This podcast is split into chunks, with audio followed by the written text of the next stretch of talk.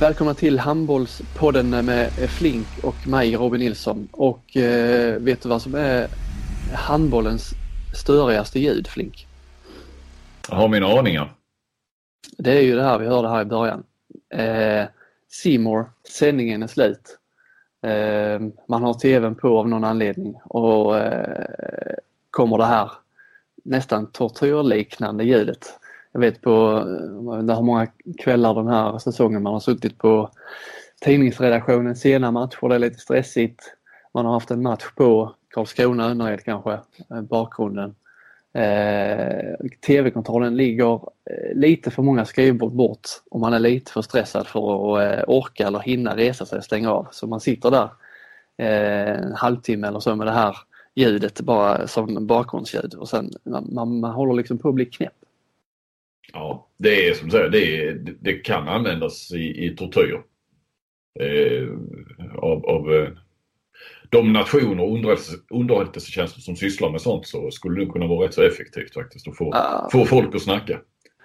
Lite bättre är ju halvtids, eh, de kör ju lite intervjuer i halvtid Simor men eh, de där är ju ändå alltid en 5-10 minuter där det inte händer någonting. Den är lite bättre men den är också hemsk, det ljudet. Ja, ja, ja, den här lite som är lite mer melodi på något vis. Men eh, det brukar vara lite sådana här statistikskyltar och sen är det ju bara en innerplan oftast då. Så går det lite folk och springer lite folk där. Ja, det är någon eh, luddig halvtidsunderhållning som pågår. Ja. Det här ljudet. Ja. Det, det, det är lite deppigt är det. Har du några andra, eh, nu tar jag dig lite på sängen, men har du något ljud så som du eh, absolut inte vill höra? Fick Någon krita mot eh, Blackboard eller något sånt?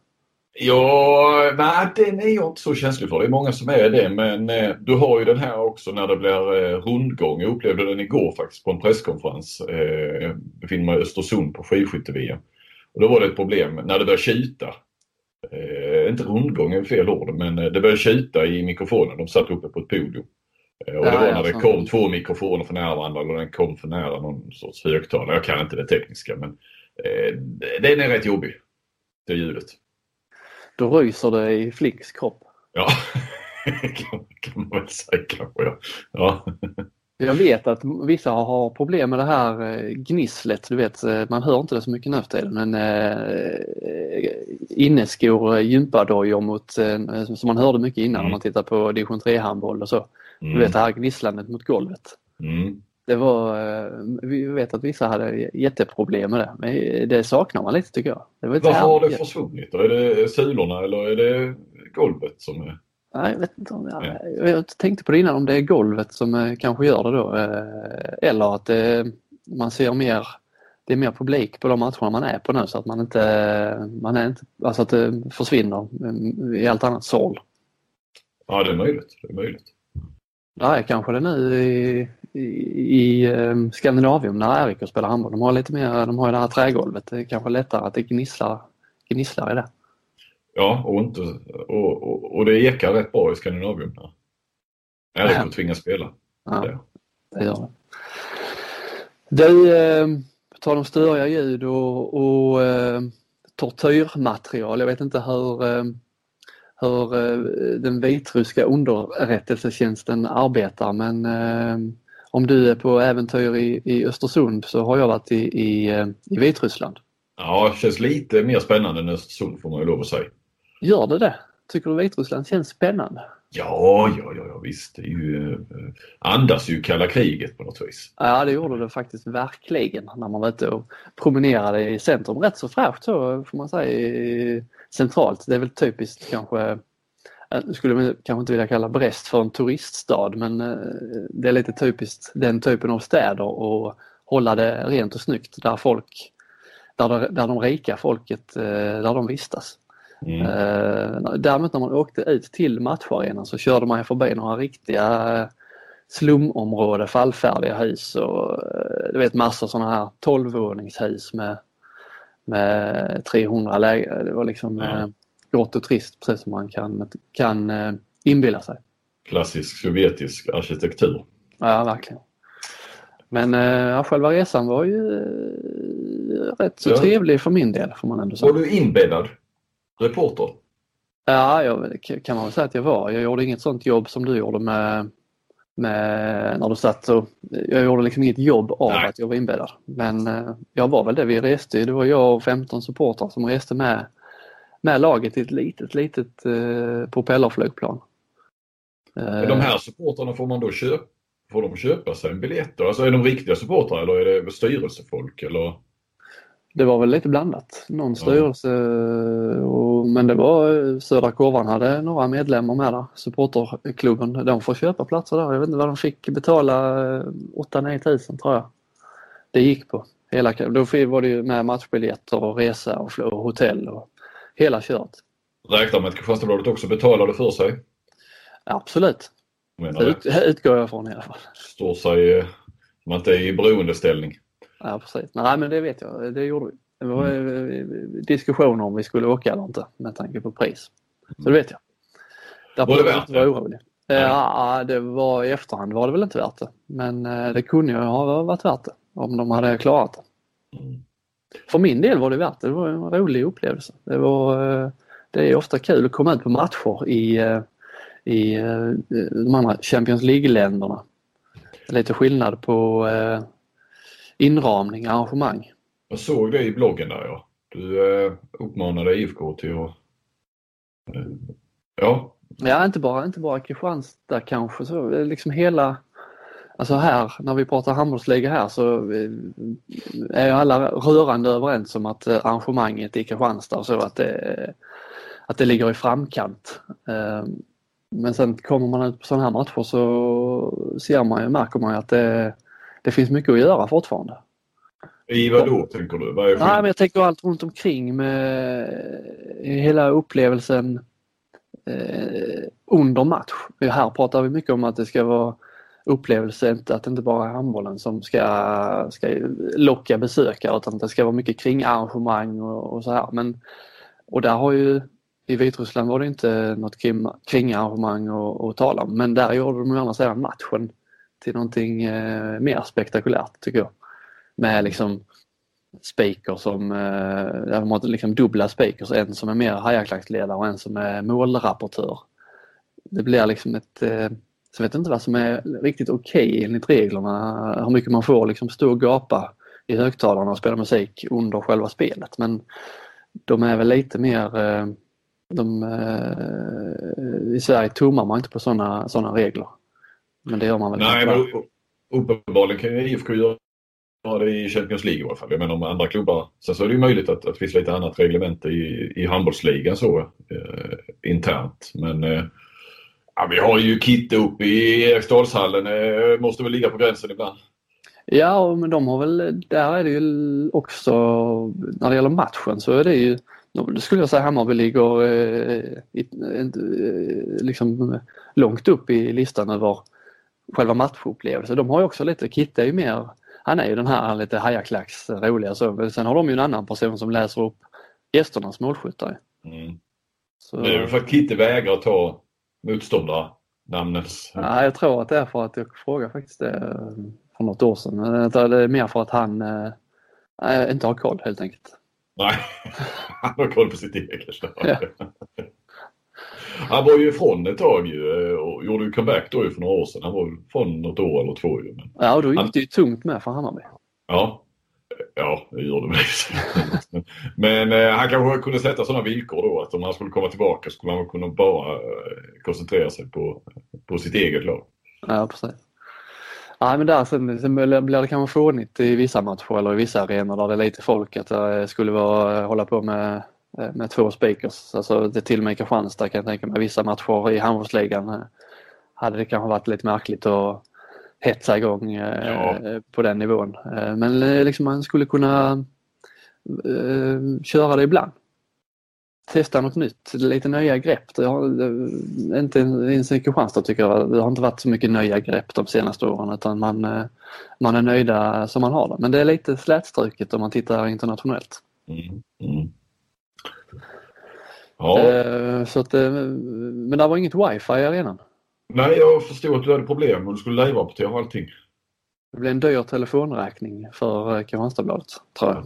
Det, det kan jag tänka mig att det springer gärna iväg i den typen av länder man fick liksom sitta och köpa sådana här, eh, man får ju sms, nu är ditt surf slut. Så fick man sitta och köpa nya, nya 200 meg åt gången under matchen. Och det gick ja. ju några sådana eh, när man ska live-rapportera.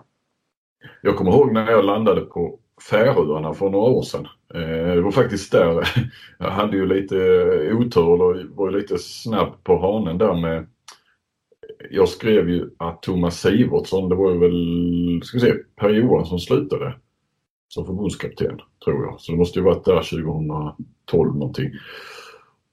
Och då hade jag fått tips om att Thomas Sivertsson skulle ta över. Och skrev ju det. Ja som sagt tog det lite för långt och slog fast det lite för tydligt just innan det skulle lyfta eh, från Stockholm var det, till Färöarna, Torshamn. Eh, jag slog på mobilen i planet och, och fick ju då någon, någon ny inf information där att det, det var nog inte helt rätt. Ehm, och då hade den hunnit ligga ute där ett par timmar ju och till och med TT hade hunnit rewrita att Simonsson blev ny förbundskapten. Ehm, men då kommer jag ihåg att jag gick in, eh, jag som sagt det var ju mobilen och då tog surfen slut innan jag kom ut ur planet. Mm. Eh, så att eh, Färöarna då i varje fall var ju svindyrt. Det var ju så här, ja, det är ju danskt men det är ju lite konstigt så, så det var ju liksom utanför EU såklart på ett vis. Mm. Ja, de, de, de vet att ta ut bra betalt på Färöarna för, för surf i varje fall. Så visade det sig att det, det var ju halvt rätt. Thomas Evertsson blev ju det men det, han blev ju det ihop med Helle Thompson. Mm. Nej, det var ju inte efter Per Johansson för det blev ju Klingvall, förlåt. Det var ju när Klingvall, ja, Klingvall. Eh, fick eh, gå där då efter det som, som eh, så det måste ju varit kanske 2013 snarare. Mm. Ja, det är bättre att resa till EU-länder nu för tiden. Då har man ju eh, samma surf som hemma. Ja, precis. Men det var ju lika, om vi nu bara kommer in på surf, till exempel i Makedonien är ju också ett sånt, inte med i EU.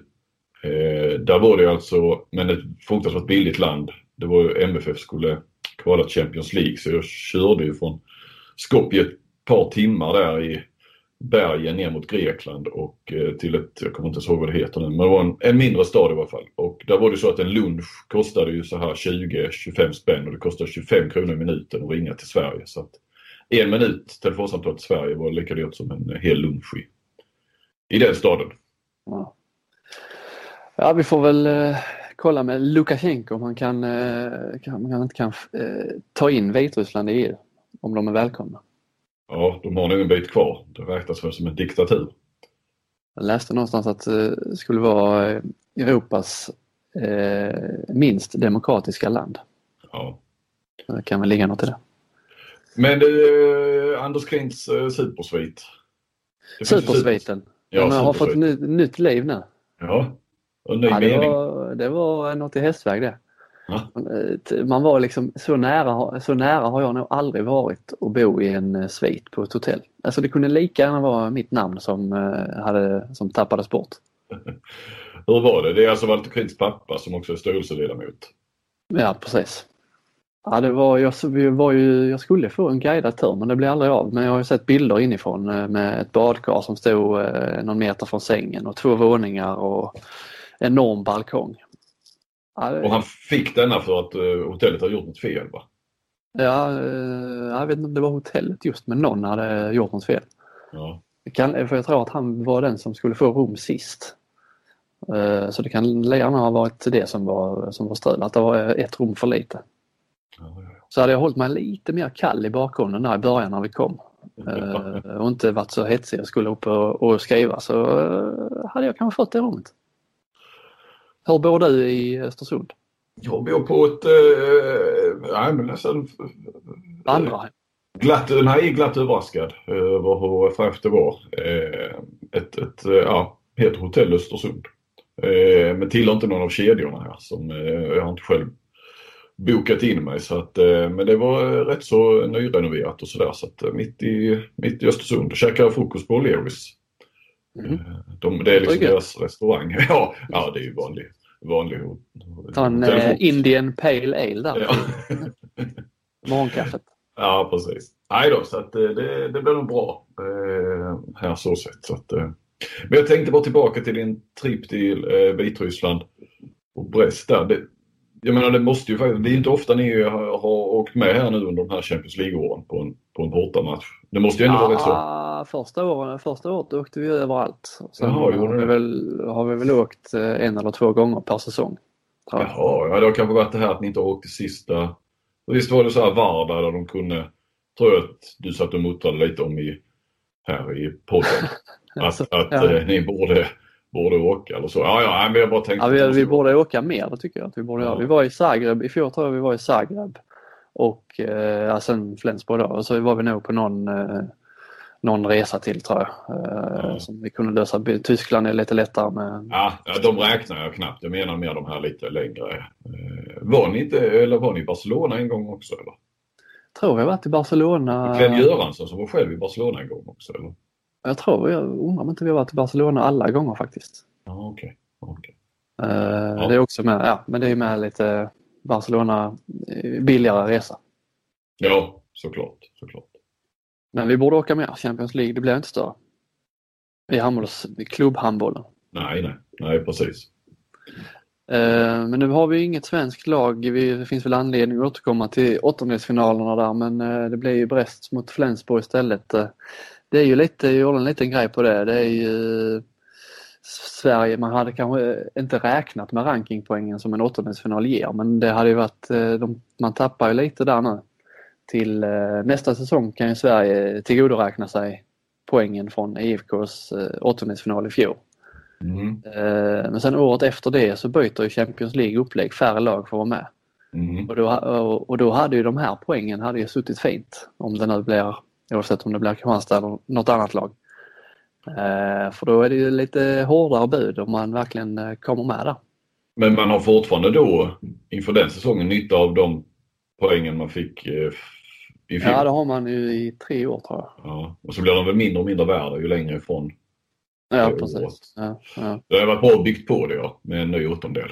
ja.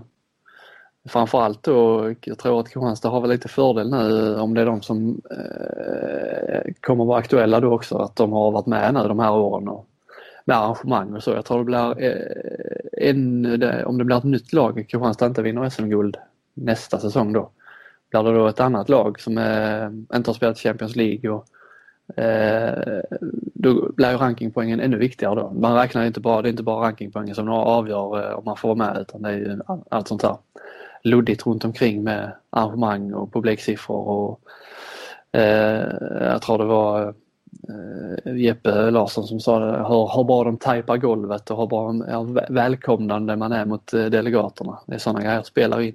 Ja.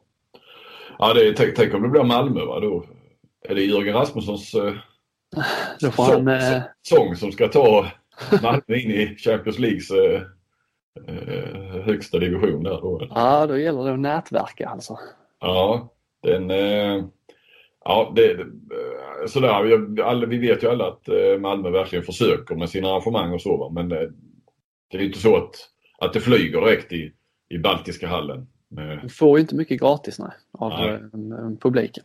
nej, så att eh, det skulle nog vara rätt tufft eh, att, att ta sig in i Champions League ur, ur den aspekten. Men Rasmussen kanske kan bidra där då med eh, att släppa trumman under matcherna och delta mer med mikrofonen själv också. Så skulle det kunna vara. Stå i eh, Malmöklacken och, och, och höja tempen. Fast eh, ja, det kanske inte så mycket Malmöklack kvar då om han lämnar. Han kanske kan slå sig i slang med, det heter ju Velux eh, Champions League. De gör väl, eh, det är väl fönster, framförallt så här takfönster och så tror jag. Mm.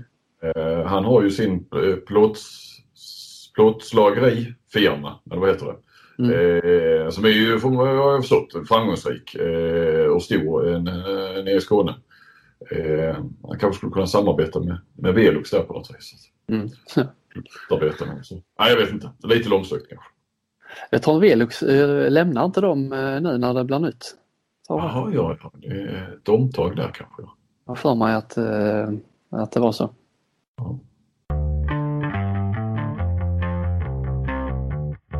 Det är ju så nu, jag tänkte eh, komma in lite på det. Det är ju tre omgångar kvar då för eh, de flesta lagen.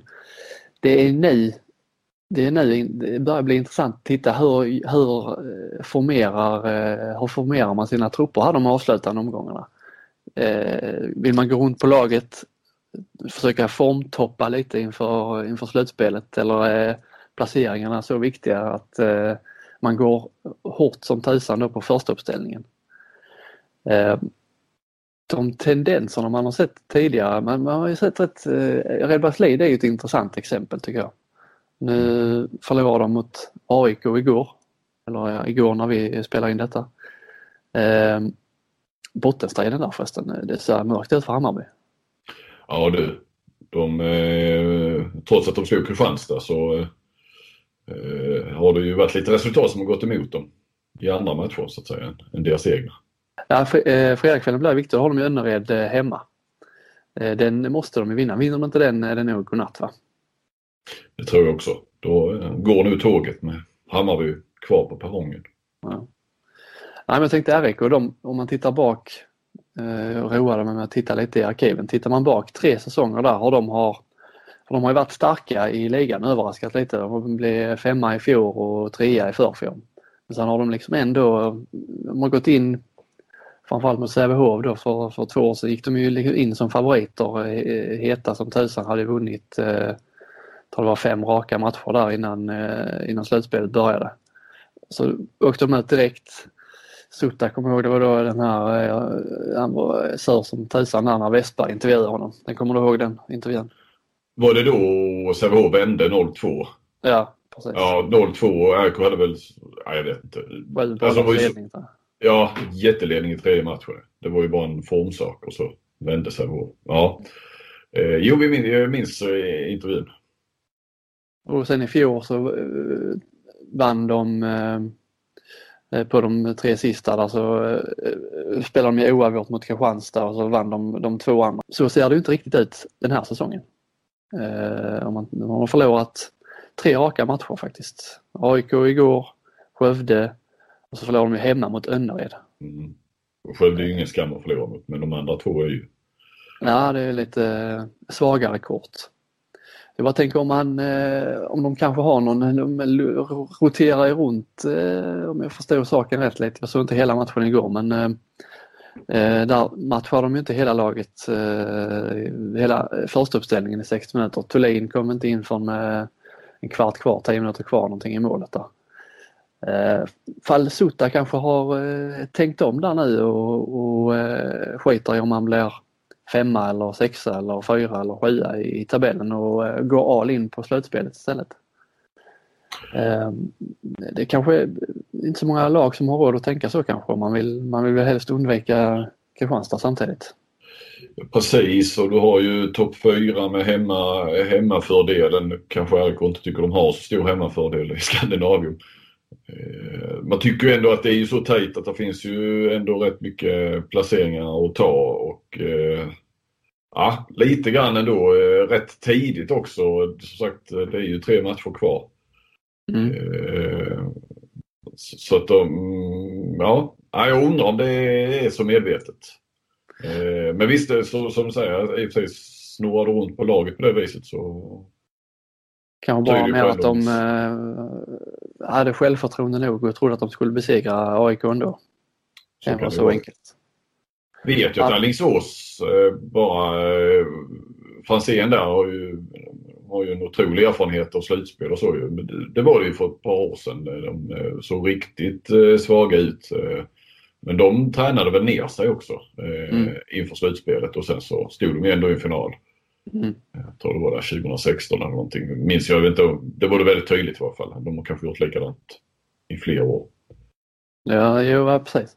Uh, ja, du Franzén där. Jag räknar lite på vilka slutspelstränare som har mest rutin och där är ju Franzén överlägsen ju. Han har gjort, om mina beräkningar stämmer, så uh, går han in på sitt nionde slutspel nu. Som, uh, som tränare? Som tränare, ja jag räknar bara tränare. Mm. Det är där man får lägga upp lägga upp taktiken. Och de har ju kanske mer tränat hårt än roterat på truppen. Mm. Man behöver inte, det är inte så himla tufft spelschema då eh, handbollsligalagen eh, har om man slår ut det på en, på en säsong. Så man eh, behöver kanske liksom inte hålla på att vila spelare eh, hur mycket som helst. Eh, även om det är i slutet av säsongen här nu. Men Eh, eh så han har ju uppenbarligen lyckats. Alexander har ju alltid varit ett sånt lag. Alltid varit i final känns det som eh, ändå. Eh, annars, det finns inte så mycket. Det är ju Thomas Axnér eh, går in på sitt sjunde eh, slutspel och han har också pratat lite nu om att eh, han har haft stenkoll på spelschemat hela tiden och även om de ligger eh, åtta nu så, så räknar han med att de eh, ska kunna gå om eh, RIK där i slutet och, och bli sexa. Det är ändå fyra poäng i nuläget. Ja, de har ju en match mindre också men... men eh, Ja, men liksom, ja. man tänker ändå i de banorna att mm, nu börjar det mm. närma sig här. Hur ser schemat ut? Vad, vad, vad, kan vi räkna på för, för poäng och så. så eh, Eh, han har nog stenkoll där på eh, vad som förväntas av Lugi i de här. Och då räknar han kanske med att vinna de eh, två av de matcherna och så i den tredje så, som de har kvar sen så eh, räknar han kanske inte med poäng och då visst det är ett högt spel att spela men eh, då kanske han kan rotera runt mer på laget i, i den matchen som han ändå inte räknar med poäng. Jag minns ett år när det var lagts ner Oxanotti. Det måste varit efter Sävehof hade dominerat grundserien i många år sen innan Kristianstad då. De där mellanåren där kan det ha varit så att 2012, 13 någonting eller ja. Mm. Mm. Då, eh, då tror jag att Lugi gick stenhårt. De hade väl aldrig vunnit serien tror jag. Eh, Nej, jag tror vi vet var du är på väg. Ja, de gick ju stenhårt för det och tog väl serien också och sen så åkte de direkt i åttondelen jag. Ja. Eller i kvartsfinalen med Ja, ja nej, och det kommer ihåg, de pratade rätt mycket om det eh, året efter där att det hade de lärt sig lite av att inte eh, liksom gå all in utan uh, var formtoppade mer när det började gälla. Mm. Och det är ju lite, men sen är det klart, har du alltså, som klubb aldrig vunnit eh, grundserien så är det ju ändå en milstolpe ju. Även om ja. du får så mycket betalt för det så att säga. Nej precis, det betyder inte så jäkla mycket. Eh, nu kanske lite mer eftersom man får hemmaplansfördel i, i en eventuell final men mm. Eh, man ska ta sig dit också. Ja, absolut, men eh, därför fanns det ju heller ingen anledning för när de väl hade gjort det ett år så fanns det ju ingen anledning att göra det året efter heller. Nej. Mm. Uh, nej, de andra, om man tittar på de andra tränarna, Sutta går in på sitt fjärde år då. Uh, får vi se om, om det är en taktik eller inte, om de uh, lyckas toppa bättre i slutspelet det här året. Wislander har ju viss erfarenhet annars av slutspel i och för sig. Även som tränare menar eller så. Alltså nu är han ju assisterande, jag har förstått att du har gått på huvudtränare. Men... Mm, jo visst. De har gjort slutspel, alla slutspel som tränare eller assisterande tränare sedan 2003 eller någonting. Uh, ja, jo, där finns ju. Uh, Tönnesen, Malmö gör sitt tredje.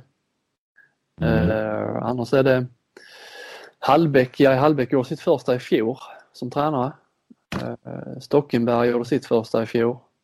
Uh, Ville i Skövde uh, har gjort noll, Vranjes IFK har inte gjort något.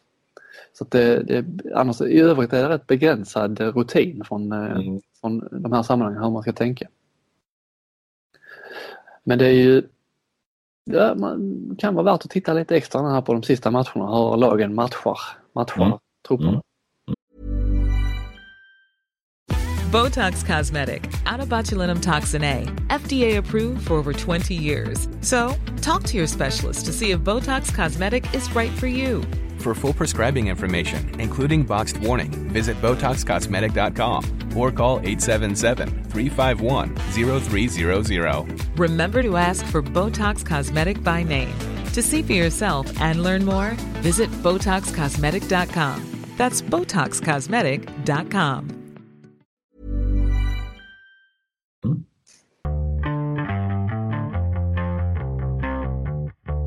Ja, AIK. Uh, har man, trodde man ju i början att de skulle uh, åka ut med dunder och brak uh, efter de första tio omgångarna. Man hade väl inte tagit några poäng överhuvudtaget. Nej. På senare tid, Ingmar Linell är ju, är ju tillbaka på bänken. Det har gått lite bättre då. Ja, han har ju för vana då, han, han agerar, eller han är ju någon sorts eh, sportchef eller har ju varit så i, i många år då i Rico tidigare. Eh, och ofta slutar det ju med att eh, han sitter med på bänken. Ja, han räddar ju kvar Rico och det ser ut att göra samma sak med AIK. Även nu, Snyder är väl eh, kvar men eh, mm. Linells blotta närvaro eh, kanske gör någonting extra. Blir ju lite, eh, ja men det känns nästan som att det är en tradition där nu att, att eh, och det är ju lite speciellt. Måste det vara. Då kliver han ner och sen så säger att de klarar det nu och Schneider fortsätter. Och så en ny säsong och så Linell tar ett kliv tillbaka. Men han finns där hela tiden ju. Mm. Eh, liksom redo. Eh, tror inte att, jag vet inte, jag pratat med honom lite grann någon gång om det för något år sedan. Sånt där, att, att han, då sa han i alla fall att han vill ju egentligen inte det. Så det, är, det är ju inget han och det är klart, det är ju, så måste han ju säga. Han kan inte säga att det är det jag vill, det är det jag strävar efter. Nej. Kliva ner och hjälpa till varenda gång, men, eller varenda säsong. Men eh, lite speciellt att vara tränare eh, i AIK eller som Rico tidigare då. Att, att han finns där hela tiden och eh, har sin son då som försvarsgeneral och han är ju rätt så eh, stark där, eh, Jesper. Mm. Eh, i, i sin roll också eh, på planen och så. Va? Så att någonstans så styr ju ändå Linnells, om vi kan kalla dem det. Nej men Stockenberg for ju ut i en stor hyllning här av Ingmar Linnell, lite oväntat eh, kanske, Mm, ja, så är det. på Twitter. Eh, som är en av Sveriges, ja, jag vet inte, jag kommer inte ihåg riktigt vad han skrev men, men det var verkligen en hyllning då att han hade fått alldeles för lite cred och hur han byggde upp Kolding och hur han tog Guif till eh, var det final eh, på 90-talet där när RIK dominerade. Och, eh, ja, och sen var det väl, eh, ja, och så menade då Stockenberg att bilden har präglats av eh, hans förbundskaptenens tid eh, för att han vågade ta över efter Bengan. Eh, Jag tror inte det var så att det fanns andra som inte vågade.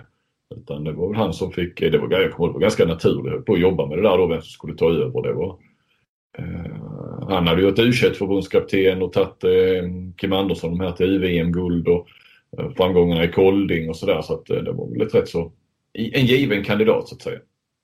Ja. Eh, men där lyckades han ju inte, får man väl lov att säga. Eh, det var ju ett rätt bra lag Sverige hade sett 2005.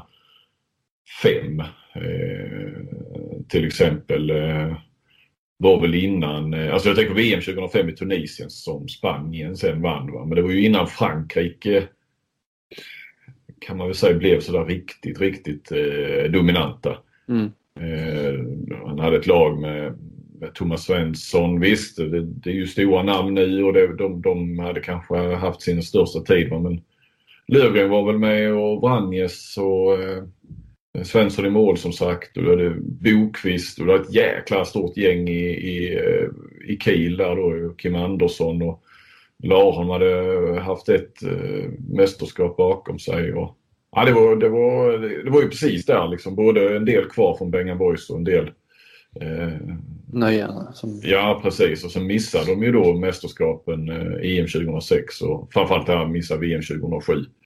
Där Sverige blivit lovade att få spela i, i Kiel. I gruppspelet och så. Det var ju en, en jättemiss. Och sen, sen kom ju den stora kan man säga, generationsväxlingen där då. då.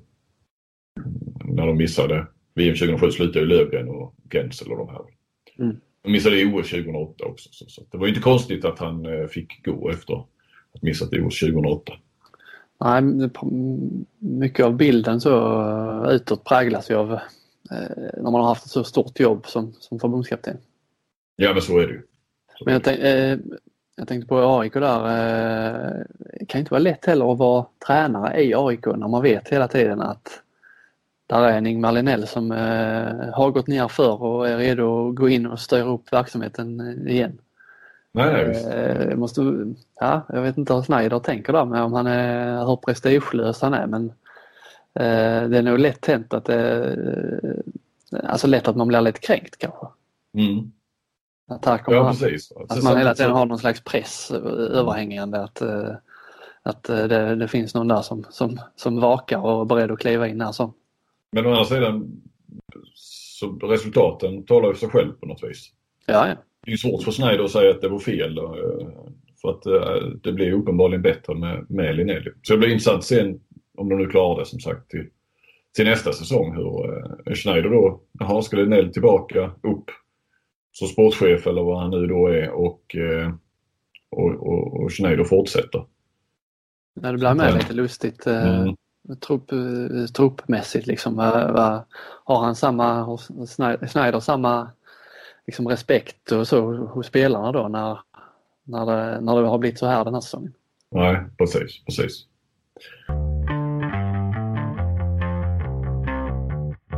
Ja Flink, det var länge sedan nu men eh, jag såg att eh, Johanna Alm twittrade lite om assistligan i SOE och, eh, och det gläder ju mig som, har, som, som gillar assistligor. Eh, däremot hade jag inte riktigt koll på den eh, damernas assistliga där men det är ju något liknande det vi har sett i handbollsligan. Fullständig dominans från, från en klubb då eh, som ju kan te sig lite märklig. Hör, eh, du har ju också, vilket gläder mig, grottat ner dig lite i den här assistligan i SOE. Vad har du kommit fram till? Eh, ja, nej, men det är ju då Skuru som... Eh, finns alltid en spelare från Skuru som är helt överlägsen i assistligan. Likt då eh, Henrik Olsson under Rico-tiden som var eh, helt överlägsen. Och vi har ju misstänkt, inte fusk, men vi har misstänkt någon form av man manipulation av de som sköter systemet. Ja, precis. Och eh, tittar vi i assistligan eh, just nu i SOE så har vi en helt överlägsen eh, ledare, Alexandra Bjärnholt. Hon har alltså 92 assist så här långt. Eh, och tvåa är också från Skuru, Ulrika Olsson men eh, långt efter ändå, men, eh, mm. på 64. Och sen så är det tätt därefter eh, med, med andra spelare. Går vi tillbaka till fjolåret, då var det Ulrika Olsson. Otroligt dominant. Hon stannade på i grundserien 95 assist. Medan eh, Iskit Kristianstad var tvåa. På var hon inte alls så gott. Nej, Ida Odén tvåa. Ja, jag glömde. Eh, Eh, går vi tillbaka till fjolåret så Ulrika Olsson helt överlägsen. 95 assist. Ida Odén tvåa på 60. Vi eh, kan gå ett eh, år till tillbaka i tiden. Och då hittar vi eh, eh, inte då Skuru eh, utan Elinor Nilsson Åström, Västerås Ersta. Anmärkningsvärt eh, där också. 92 assist, helt överlägsen etta. Så tänker man, hmm, var, hon var ju inte med i toppen de andra åren.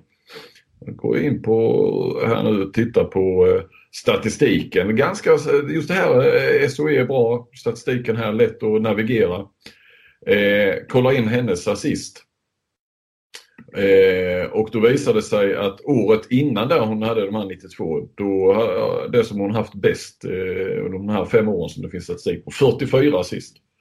Mm. Alltså låg 34, eh, 37 i år. Sen i förra säsongen så var hon eh, nog rätt mycket skadad så att hon stannade på, på 15 där bara. Men, men eh, ju anmärkningsvärt att, man, eh, att det kan dra iväg så där. Så det var ju också en, eh, noterbart. Eh, inte dock från eh, Skuru. Och går vi ännu längre tillbaka så är det Karin eh, Strömberg eh, som eh, var dominant. Eh, också Skuru där då. Mm. Mm. Så att jag, jag förstår Johanna Alms reaktion och eh, no, någon, någonting känns det ju som inte står rätt till. Det är ju i det här fallet, är det, i Rico-fallet är det ju eh, eh misstänker man ju mycket manipulation eftersom de är ju trots allt ett bottenlag och det brukar vara svårare att leverera i de här i topplistorna då som bottenlag. Här är det ju lite, Skuru är ju, är ju topplag så, så att det är inte konstigt att de är högt upp i assistligorna men det är ju så överlägset. Mm. Att det är ju... Man kan ju fråga sig hur de räknar där. Alltså... Ja, man ska väl bara räkna assist när det är liksom sex meters avslut. Kant, eh, inspel till linjen, kontringsmål och så. Men eh, börjar man räkna alla alla sidledspass på nio meter så sticker det snabbt iväg. Mm. Ja, jag, jag, kan, jag vet faktiskt inte riktigt hur, hur de räknar men eh, de räknar, eller räknar de på olika sätt i olika arenor. Det är väl, eh, man får väl då egentligen gå in och titta på, eh, det kan vi inte se här nu, den statistiken finns ju inte, men hemma. Hur det ser ut om det är mycket mer assist hemma än, än borta. Det, är ju, det känns ju lite som ett uppdrag för dig Robin. Jag gjorde ju det med Henrik Olsson. Mm. Och det var ju, var ju klart mer assist eh, hemma. Mm. Mm. Jag, jag, får, jag ska ta mig an detta då. Det gläder mig. Eller oss. Går vi tillbaka till härligan så eh, vi pratade förra veckan om, eh, eller var det förrförra, om profiler som lämnar och att eh, inte har börjat trilla in så mycket mer än Viktor Östlund eh, så här långt. Men eh, nu har vi ju kanske nått eh, ett av sådana här namnen man, man förr eller senare misstänkte skulle, eh, skulle placeras här. Det verkar som att eh, Dalibor då eh, är på väg hem. Mm. Ystad IF ska, ska presenteras i nästa vecka. Jag hörde de sa i sändningen simor sändningen från den här Ystad-Kristianstad-matchen. Det var ju då den kvällen det kom upp på tal att Ystad hade kallat till presskonferens den 18 mars. Vilket mm. lät, eh, det var ju jävla ute i god tid om man eh, kallar till presskonferens två veckor innan. det brukar ju vara någon dag på sin höjd. Eh, ja, jag tror inte att de har kallat presskonferens och eh, enligt mina uppgifter så är det, det är möjligt att de ska ha en presskonferens den 18 men då ska inte då, då presenteras. Det är ju då först måndag näst, nästa vecka. Vi ska mm. placera det i tiden. Eh, jag frågade Marcus Lindgren, han, han vill ju inte prata så mycket om, om då då. Eh, Väldigt alltså, slipad i sina uttalanden får jag säga. Ja, men eh, notera eh, i den artikeln att han nog kanske ändå försade sig lite, vilket jag inte förstod riktigt förrän eh, eh, jag lyssnade igenom igen. Nej, det var inget jag reagerade på. Nej, vi ska se här om du... Eh, han sa så här, nu har jag ju, jag hade ju han sa ju lite led, så du vet hur citaten är. Man, man, kan inte ta med allt som sägs för då blir det liksom oläsbart till slut. Men, mm. men det, det, jag, det var ju, han är rätt citerad och så vidare. Men, eh, han säger ju så här, vi tittar på spelare på mittnivå och har gjort så en tid. Eh, vi vill ha två spelare på varje position. Ja. Är då och då en av dem ni tittar på? Det vill jag inte kommentera, säger han. Du kan varken bekräfta eller dementera. Nej, jag kommenterar inte det. Alltså han, han kommenterar inte då och då. Eh, och sen de, vad tycker du om då som handbollsspelare? Jag kan inte säga för mycket eftersom jag inte har sett honom så väldigt mycket i år. Det är ju också, om de nu ska värva honom så får man ju, Det är ju inte de matcherna vi har satt bjuder på i sina sändningar från Bundesliga, sa han med ett litet skratt för övrigt då. Eh, sen så kommer det. Sen är det många spelare, inklusive han, som är intressanta såklart. Vi får se, punkt, punkt, punkt. Så där, han går ju faktiskt från på, på några sekunder från att han vill överhuvudtaget kommentera då och då Eh, om då, eh, så, mm. till, till att eh, han helt plötsligt säger han faktiskt att han inkluderar honom som en av dem som han, eh, de är intresserade mm. eh, och ah, jag kollade med Lindgren om det är så, eh, när jag fick höra detta med den 18 mars och presskonferens, så frågade jag så på direkt fråga om det är så att jag skrev ju inte då då och då eftersom då kunde han ju, ja, det hade blivit ett konstigt svar om han hade skrivit att det inte stämmer för att då hade han hängt upp sig på då och då. Så jag skrev den här spelaren då som du har sagt ska eh, presenteras på en presskonferens den 18. Nej, det är fel. Svarade han. Ja, okay. Och han säger ju själv att det ska ju ske i, i nästa vecka. Så att, eh, mm. vad, vad säger vi om... Eh, jag utgår från att det blir så här eh, och jag har ju skrivit det. Vad säger vi om den värvningen då? Han, är, alltså, han fyller 40 i maj nu. Han ska vara två plus ett års kontrakt. Så att, eh, det, är ju lite, det är ju häftigt ju. Men eh, blir det en succé? Vi har ju sett många hemvändare som, där det inte har blivit succé. Mm. Eh, vi har sett många som har varit bra också. Ja, men det kanske är vi som blåser upp dem lite grann. Men min känsla är ju oftast ändå att... Kanske inte haft... blir lika bra som man, som man nej, tror. Nej, nej.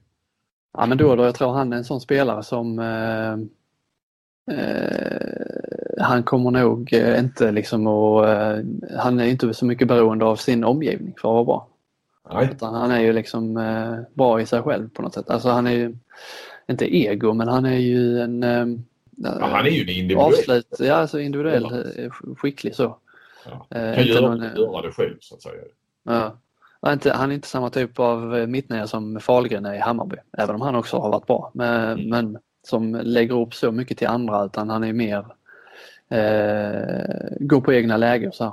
Mm. Eh, jag, tror att det, jag tror att det kommer bli, bli bra. Eh, sen har de ju Sen, ja, det är lite så men de har ju en rätt hyfsad mittnia nu med Ludvig Hallbäck. Ja, för jag frågade ju Lindgren där han pratade om mittnio och så, så, så, men tänker ni halvlek som vänster? Nej, nej, nej, nej, vi ska då, sa han det, vi ska ha två spelare på varje position. Jo, två spelare kan man ju ha men så, spelar du inte Europa eller Champions League parallellt så, så känns det inte som att du måste ha Ja men det känns ju som två. Du har Sveriges största, kanske Sveriges största talang överhuvudtaget. Mm. Eh, eh, ja det är väl han och Alfred Jönsson och Felix Klar ja Krins, de där uppe då. Men, men Alfred Jönsson är ett par år äldre än eh, Hallbäck så i den kategorin i alla fall. Mm. Och sen tar du då hem en, en så här, jag menar det är ju, du tar ju, du tar ju inte hem då för att han, han ska spela 10 minuter varje match. Nej, lite så. Hade det, det hade varit, eh, jag hade mer tyckt att det var jävla suveränt om det hade varit för eh, i fjol kanske, eller kanske i förfjol eh, till och med. För nu, nu har ju Hallbäck ändå liksom hunnit bli rätt etablerad där i, i ligan och spelar mycket och så här. Det hade kanske varit, eh, eh, tajmingen hade ju varit mer eh, lätt att förstå eh, om Mm. det hade varit precis i början när eh, Hallbäck kom upp. Mm. Eh, Men sen det, det kan, måste, kan man inte säga eh, nog att jag tror att det kommer bli, det är en jävla bra värvning från Ystad. Men jag är inte säker på att Ystad som lag blir nödvändigtvis så mycket bättre bara, bara för det. För någon av dem måste ju ändå bänkas. Hallbäck eller då då. Mm. Nej, så på det viset lite, lite konstigt. Och kanske också om det hade varit en, eh, en gammal Ystad IF-spelare som ja, vill avsluta i klubben och sådär. Då kan man också förstå det och, och kommer hem och, och, och, kanske också finns eh, så småningom ska gå in i någon ledarroll i klubben och hela den biten. Alltså, trappar ner på något vis. Det är klart att då då ser jag det, det är klart att han trappar ner eftersom han lämnar Bundesliga. Men eh, jag har ju svårt att se då då i en ledarroll i Ystad IF och Ystad IF har han aldrig spelat. Han har spelat i, i tre andra Skåneklubbar i, på elitnivå. Så att, eh, nej, li, lite så. Eh, och tvåårskontrakt också. Eh, nej, lite, lite konstigt är det. Eh, Men det, vi, vi vet ju inte. Det ska bli intressant när det blir klart och officiellt då höra hur de eh, motiverar det. Ja, nej, det ska bli faktiskt eh, kul. Men när ska han presenteras då? Någon gång nästa vecka. Vi vet inte exakt när. Nej, jag vet inte exakt när. Nej. Ja, vi vi har ett klockslag här. Men nej, vi får, vi får hålla oss till tåls. Ja. Eh, yes Flink. Eh, kultlirare lite kortare idag men eh, du har ju såklart varit på tå även om du är eh, insyltad i skidskyttet. Eh, berätta vad vi har för erbjudande idag. Erbjudandet är att vi eh, går över och tittar lite på eh, damsidan. Mm. Och eh, eh, drar mig lite grann för att uttala faktiskt hennes Ja. namn. Det var därför jag skickade över pucken till dig. Jag, Eh, vi kommer från och med, efter att jag har sagt hennes efternamn så kommer vi bara köra förnamnet. Eh, och ni som kan era handbollshistoria, inte minst på damsidan, kan ju gissa vart vi är på väg nu.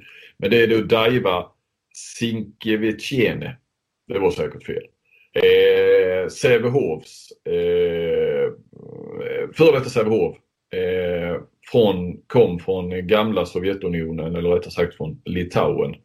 Eh, kanske eller förmodligen det största fyndet en svensk klubb har gjort. Alltså sett till, eh, nu har vi ingen prislapp, men eh, sett till eh, kvalitet och eh, vad hon betydde eh, och så. Och eh, av allt att döma hur lite hon eh, trots allt kostade så, så är det nog det, det kanske största fyndet eh, vi har haft i, i svensk eh, ligahandboll. hon var då aktiv sent 80-tal, början, början på 90-talet.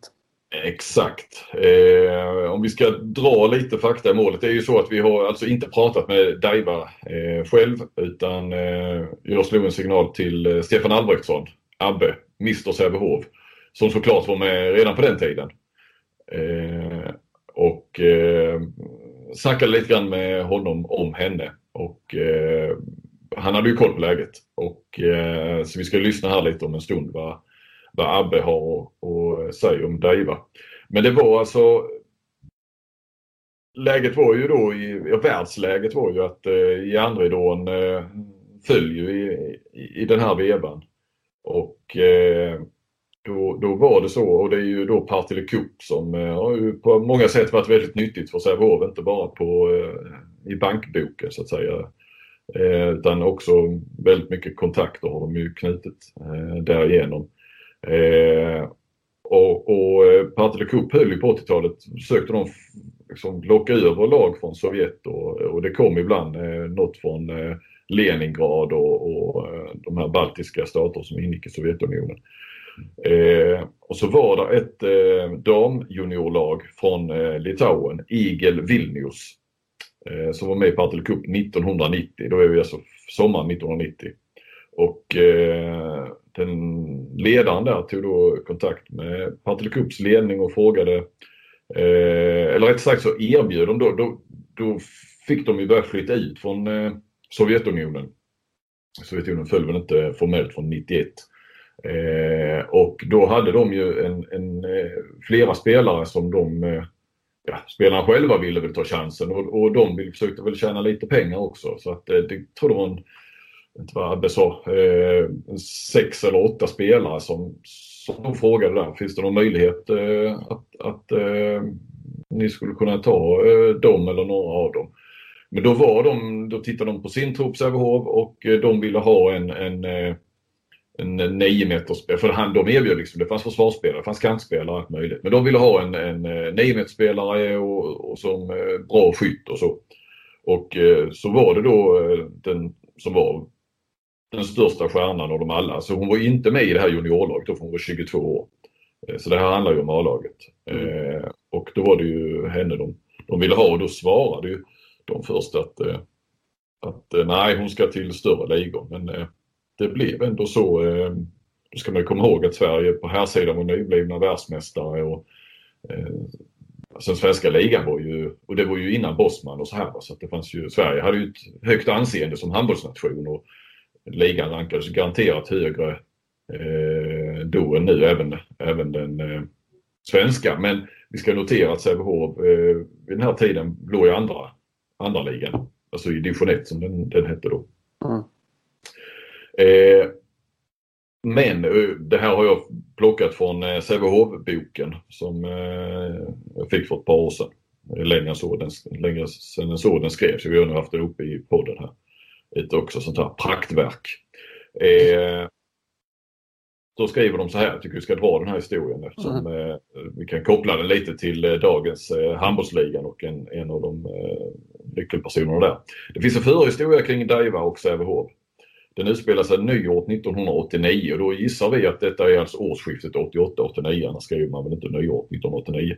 Eh, I DDR, i gamla Östtyskland där då ju. Eh, då Sävehofs herr och damlag var i Frankfurt an der Oder och spelade i en turnering och en av de övriga klubbarna som deltog och vann damtävlingen var Igel Vilnius från Litauen. Banketten inkluderade, det var ju bankett efteråt, inkluderade dans och så bekant så måste man vara två för denna aktivitet. Damspelarna från Östeuropa satt ut efter en sida i, lo i lokalen och var uppenbarligen oerhört blyga. Inget hände när orkestern spelade upp till dans, inte ens Sävehofarna dansade med varandra. Det började bli pinsamt. Då tog eh, den här Sävehofs ledare och före detta landslagsmålvakt Thomas Johansson tag i det hela och kommenderade herrarna eh, till dans med öststatstöserna. Först på parketten sågs Anders Eliasson dansande med Daiva Darling som hon sen då eh, döptes till när hon kom till Sävehof och, och visade sig vara så bra som hon var. Då var hon ju alltså okänd för dem. Och detta var ju då eh, ett och ett halvt år tidigare. Isen var bruten mellan öst och väst och partyt räddat, skriver man i Sävehof. Så Eliasson hade, ja, han var igång tidigt. ja. eh, men då kom ju, eh, ja, då kom ju eh, Daiva där till eh, Sverige med, med sin man. Eh, vi kan ju låta Stefan Albrektsson berätta mer om hur hon var och hur det fungerade. Så, men hon kan ju kort säga att vann skytteligan överlägset i division 1, tog upp laget eh, till, till elitserien och andra säsongen i elitserien vann de SM-guld, Sävehofs damer. Och hon eh, spelade i sju säsonger och eh, la sen av. Eh, och så flyttade de hem igen.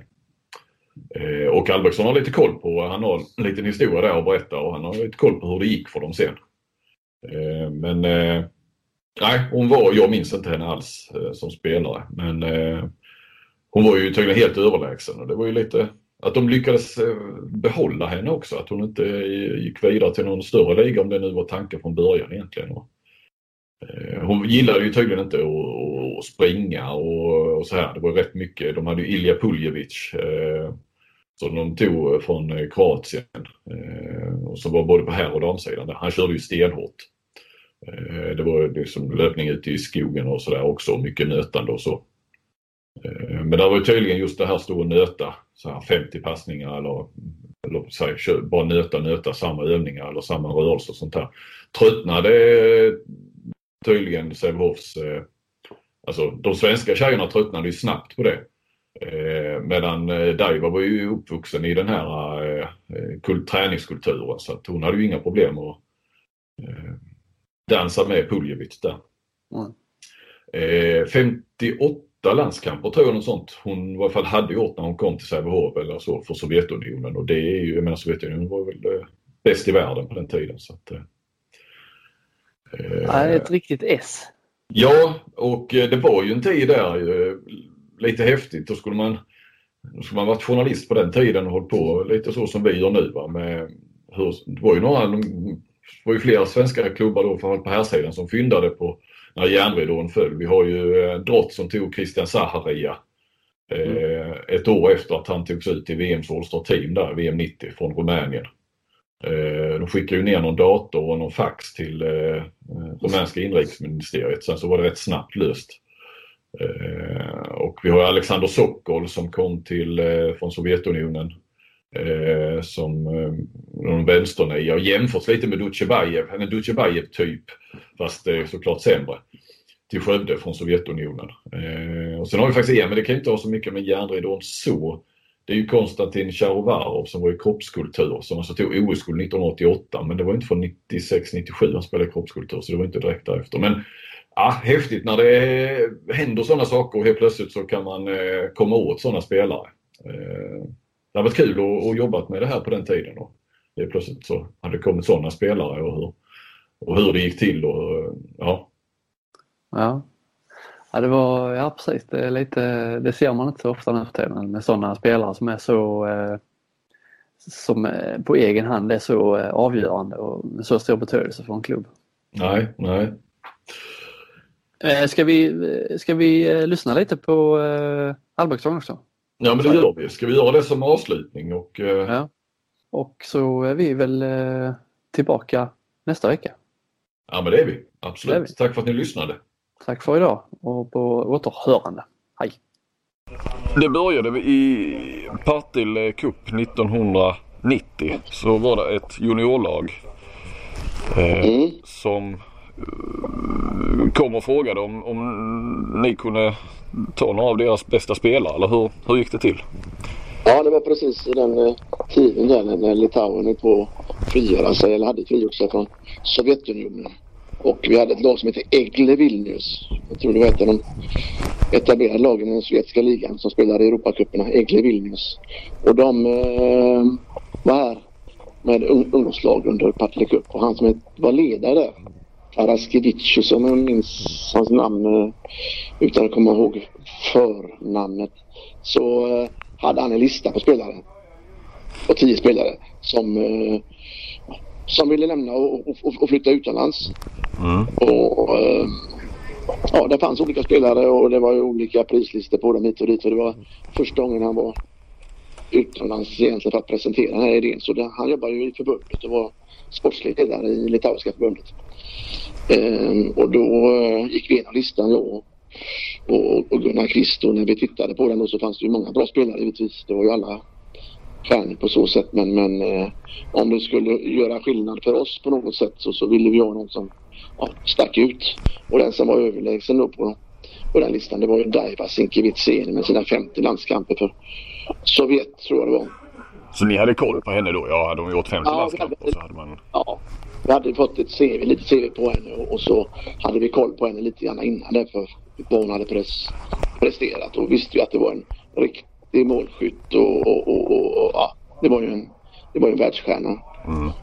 Så ehm, ja, nej, men då så vi att vi vill gärna prova henne. Ja, men hon är ju mer etablerad för, eller mer angelägen om mer etablerade ligor i, i, i Europa och så vidare. Kan vi inte ta en annan spelare? Ja, då sa vi det att vi, nej, det, henne kan vi satsa på. Och då eh, blev det så när veckan var slut sen så hade han bestämt att han visste egentligen inte hur det såg ut ute i Europa eller, eller, inte. Så, så på så sätt var det. Vi bestämde oss i juni månad och i, i augusti tror jag hon var här. Samma Ja.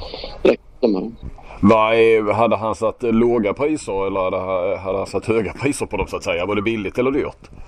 Ja, det var det. Det, det minns jag inte riktigt men det, det kändes som att det var billiga priser. Eh, för, förhållandevis. Och, och, och, och eh, ja, som det visade sig i efterhand där för oss de åren som kom där så, vis, så kunde det så var det billigt för oss. Ja. Eh, Men då låg ni i ettan va? Alltså näst högsta? Ja. Näst högsta serien låg Ja. Ambitioner att gå upp. Och, och vi hade tagit hit Ilja. Om jag minns rätt så var det det året Ilja Puljevic också kom som tränare. ja. Och var kom han ifrån då? Han kom från Kroatien. Ja, han kom direkt från Kroatien. Ja.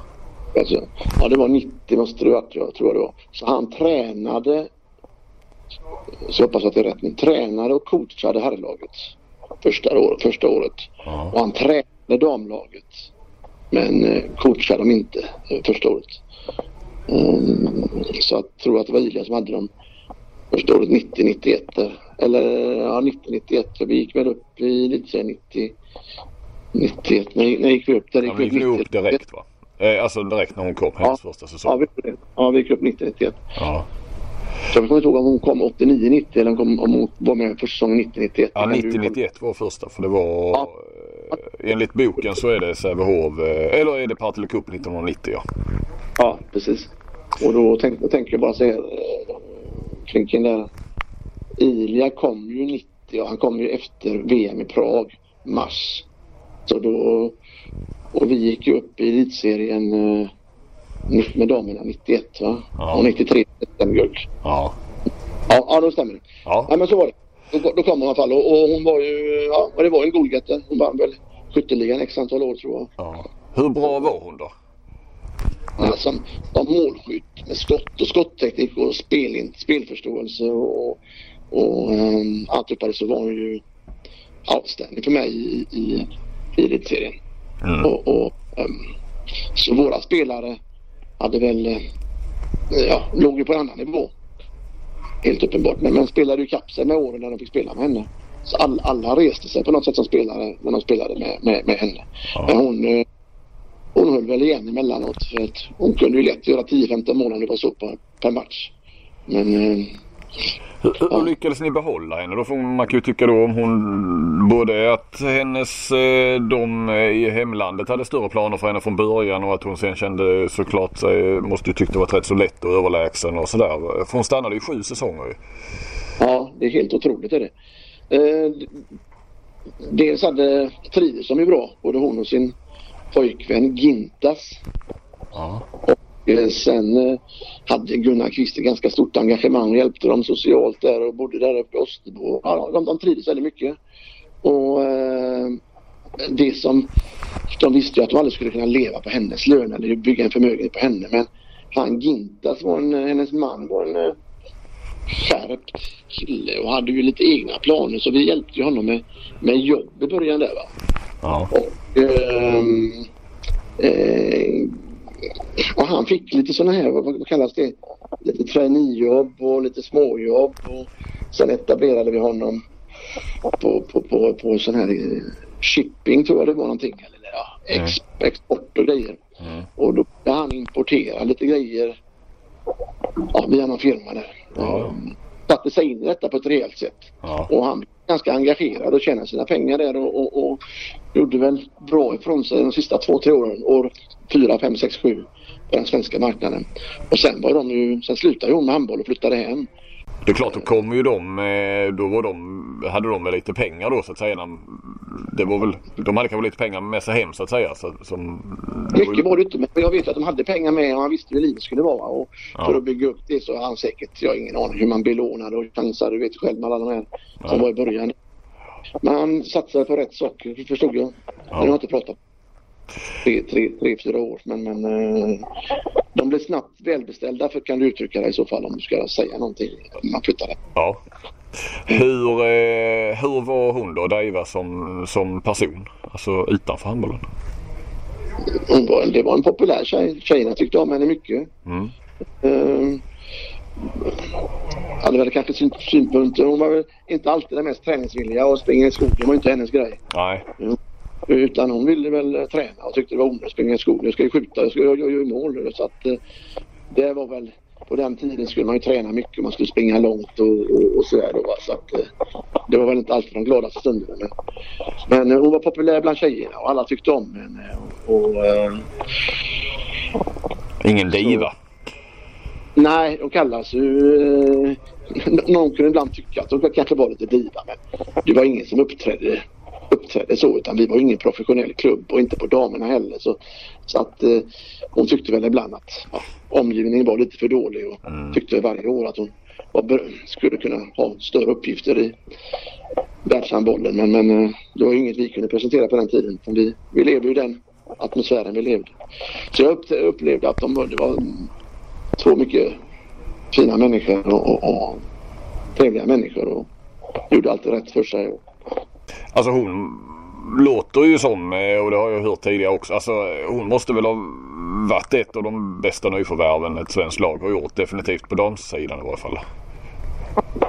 Ja, jag, kan, jag kan inte ens se framför mig eh, det kan ha varit en bättre värvning på damsidan någon gång. Nej, nej, inte vad jag minns nu i alla fall. nej. Nej, för hon tog ju upp er i, eh, först i elitserien och sen till ett SM-guld. Jag menar det hade ju inte gått utan henne. Inte guldet i varje fall.